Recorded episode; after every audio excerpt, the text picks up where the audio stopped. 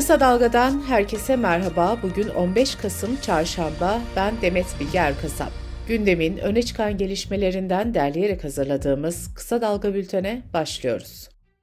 Yargıtay 3. Ceza Dairesi'nin Anayasa Mahkemesi'nin Can Atalay kararına uymamasıyla başlayan krizde yeni gelişmeler var.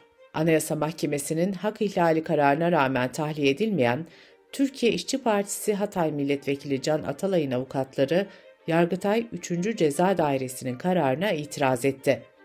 Avukatlar yargı krizine ilişkin olarak yargının sorunu ve çözümü yargı organlarına aittir, hiç kimse yargı krizinin çözümünde hakem olamaz dedi. Avukatlar Anayasa Mahkemesi'nin kararını uygulayacak mahkeme aradıklarını da vurguladı. İstanbul Barosu Başkanı Filiz Saraç, Yargıtay 3. Ceza Dairesi Başkan ve üyeleri hakkında Yargıtay 1. Başkanlık Kurulu'na suç duyurusunda bulunduklarını söyledi. Suç duyurusunun bir örneği disiplin soruşturması için Yargıtay Yüksek Disiplin Kurulu ve Hakim ve Savcılar Kurulu'na da gönderildi. Suç duyurusu tüm avukatların imzasına açıldı. Dün itibariyle 3235 avukat imza attı.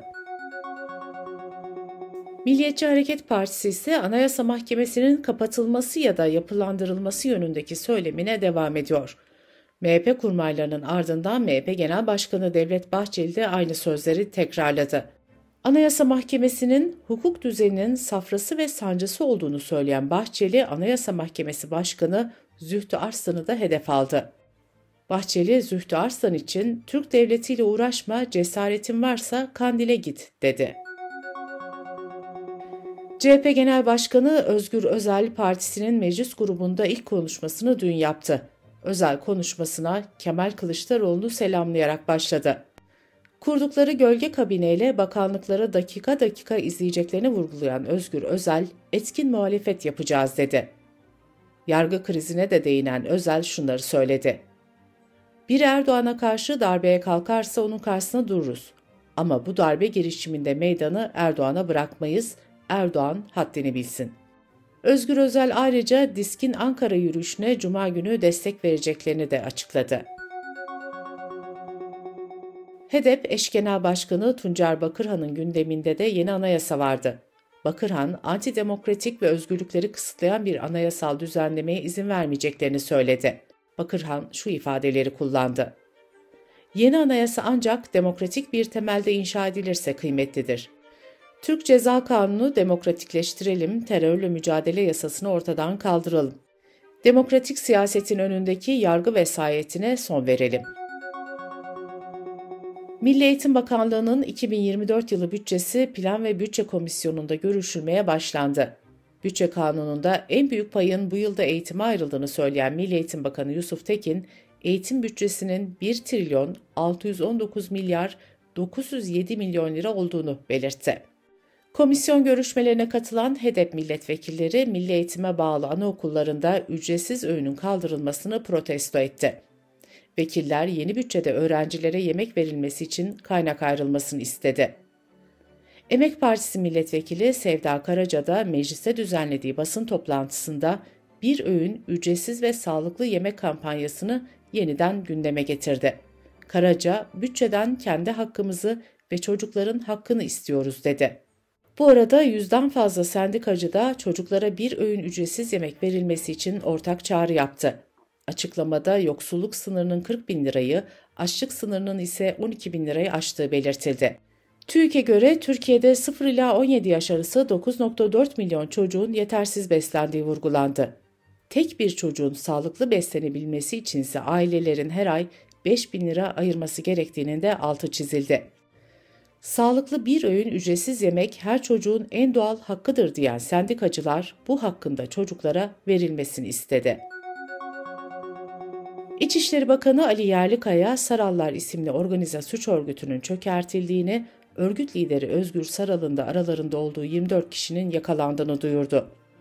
Suç örgütünün İstanbul Esenyurt ilçesinde sitelerdeki ev sahibi ve kiracıları tehdit ederek yağmaladıkları, eğlence mekanlarına silahlı saldırı düzenledikleri belirtildi.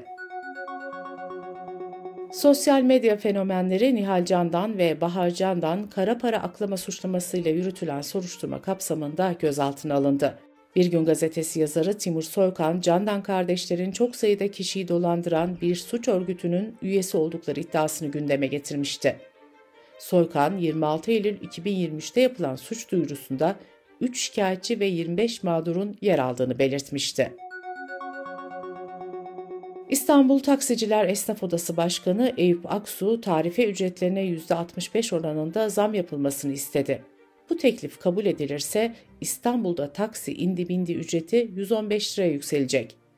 3 ay önce yapılan zamla indi bindi 70 lira olmuştu. Dış politika ve dünyadan gelişmelerle bültenimize devam ediyoruz. Gazze'de içindeki hastaların ölmeye başladığı şifa hastanesi İsrail tanklarıyla kuşatıldı. BBC'nin haberine göre hastanede elektrik kesik. Jeneratörlerin çalıştırılması içinse benzin kalmadı. Bu durum hastanedeki binlerce kişinin hayatını tehdit ediyor. Dünya Sağlık Örgütü şifa hastanesinin mezarlığa döndüğünü duyurdu. Dünya Sağlık Örgütü sözcüsü ise elektrik kesintisi ve yakıt kıtlığı nedeniyle onlarca prematüre bebeğin küvezde tutulamadığını, 45'e yakın böbrek hastasının da diyalize bağlanamadığını belirtti. Gazze'nin kuzeyindeki büyük hastanelerden El Kudüs'te faaliyetlerini durdurmak zorunda kaldı. Hastane çevresinde çatışmalar yaşandı. İsrail hastanelerin karargah olarak kullanıldığını savunuyor. Hamas ise bu iddiayı reddediyor. İsrail saldırılarına devam ederken Avrupa ve Latin Amerika'daki yaklaşık 20 ülkeden 80 siyasi lider Uluslararası Ceza Mahkemesi savcısı Kerim Han'a mektup yazdı. Liderler İsrail'in Gazze'deki soykırımının durdurulmasını ve Başbakan Netanyahu'nun yargılanmasını istedi. İnsan Hakları İzleme Örgütü de Uluslararası Ceza Mahkemesi'ni soruşturma yapmaya çağırdı. Açıklamada İsrail'in Gazze'nin sağlık sistemini tahrip ettiği ve savaş suçu olarak soruşturulması gerektiği vurgulandı. ABD Başkanı Joe Biden da Gazze'de hastanelerin korunması gerektiği mesajını verdi. Amerika'da Anayasal Haklar Merkezi, İsrail'in Gazze'deki soykırımına engel olmadıkları gerekçesiyle Başkan Joe Biden, Dışişleri Bakanı Antony Blinken ve Savunma Bakanı Austin'e dava açtı. Gazze ve Amerika'daki Filistinliler adına mahkemeye başvuran merkezden yapılan açıklamada ABD'nin İsrail'e desteğini durdurmak için mahkeme emri çıkarılması da talep edildi. Avrupa Birliği Dış İlişkiler ve Güvenlik Politikası Yüksek Temsilcisi Joseph Borrell, Filistinliler için yeni bir devlet inşa edilmesi gerektiğini belirtti. Borrell, Gazze'nin İsrail tarafından işgaline izin verilmeyeceğini de söyledi. İsveç'in NATO'ya katılım protokolü 16 Kasım Perşembe günü Türkiye Büyük Millet Meclisi Dışişleri Komisyonu'nda ele alınacak. Teklifin komisyonda onaylandıktan sonra Meclis Genel Kurulu'nda da kabul edilmesi gerekiyor.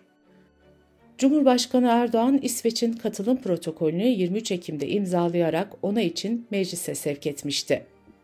Rusya'nın 24 Şubat 2022'de Ukrayna'ya saldırması sonrasında askeri tarafsızlık ilkesinden vazgeçen Finlandiya ve İsveç üyelik için NATO'ya başvurmuştu. Finlandiya 4 Nisan 2023 tarihinde NATO'ya katılmıştı. Türkiye, İsveç'in üyeliğine ise terör örgütleriyle yeterince mücadele etmediği gerekçesiyle onay vermemişti. NATO'ya üyelik için üye ülkelerin tamamının onayı gerekiyor. Dünya Sağlık Örgütü, kurum tarihinin en büyük cinsel istismar skandallarından birine sahne oldu. Kongo'da ölümcül Ebola salgını sırasında yüzden fazla Kongolu kadının bölgede bulunan Dünya Sağlık Örgütü personeli tarafından istismar edildiği ortaya çıkmıştı. Örgütün cinsel istismar mağduru kadınlara 250'şer dolar ödediği belirlendi. Birleşmiş Milletler istismarların yaşandığından haberdar olmakla ama hiçbir şey yapmamakla suçlanıyor. Tüm dünya İzlanda'daki volkanik hareketlenmeye odaklanmışken İtalya'nın güneyindeki aktif yanardağlardan Etna yeniden faaliyete geçti.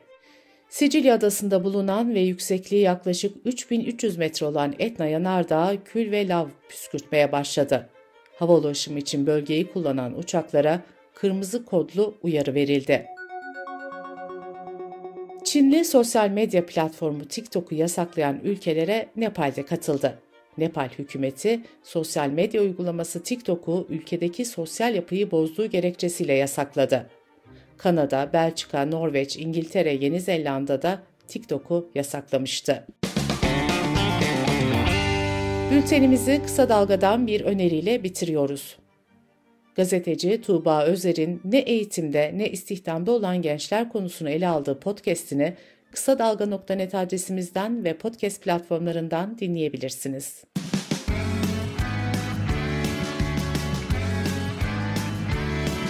Kulağınız bizde olsun. Kısa Dalga Podcast.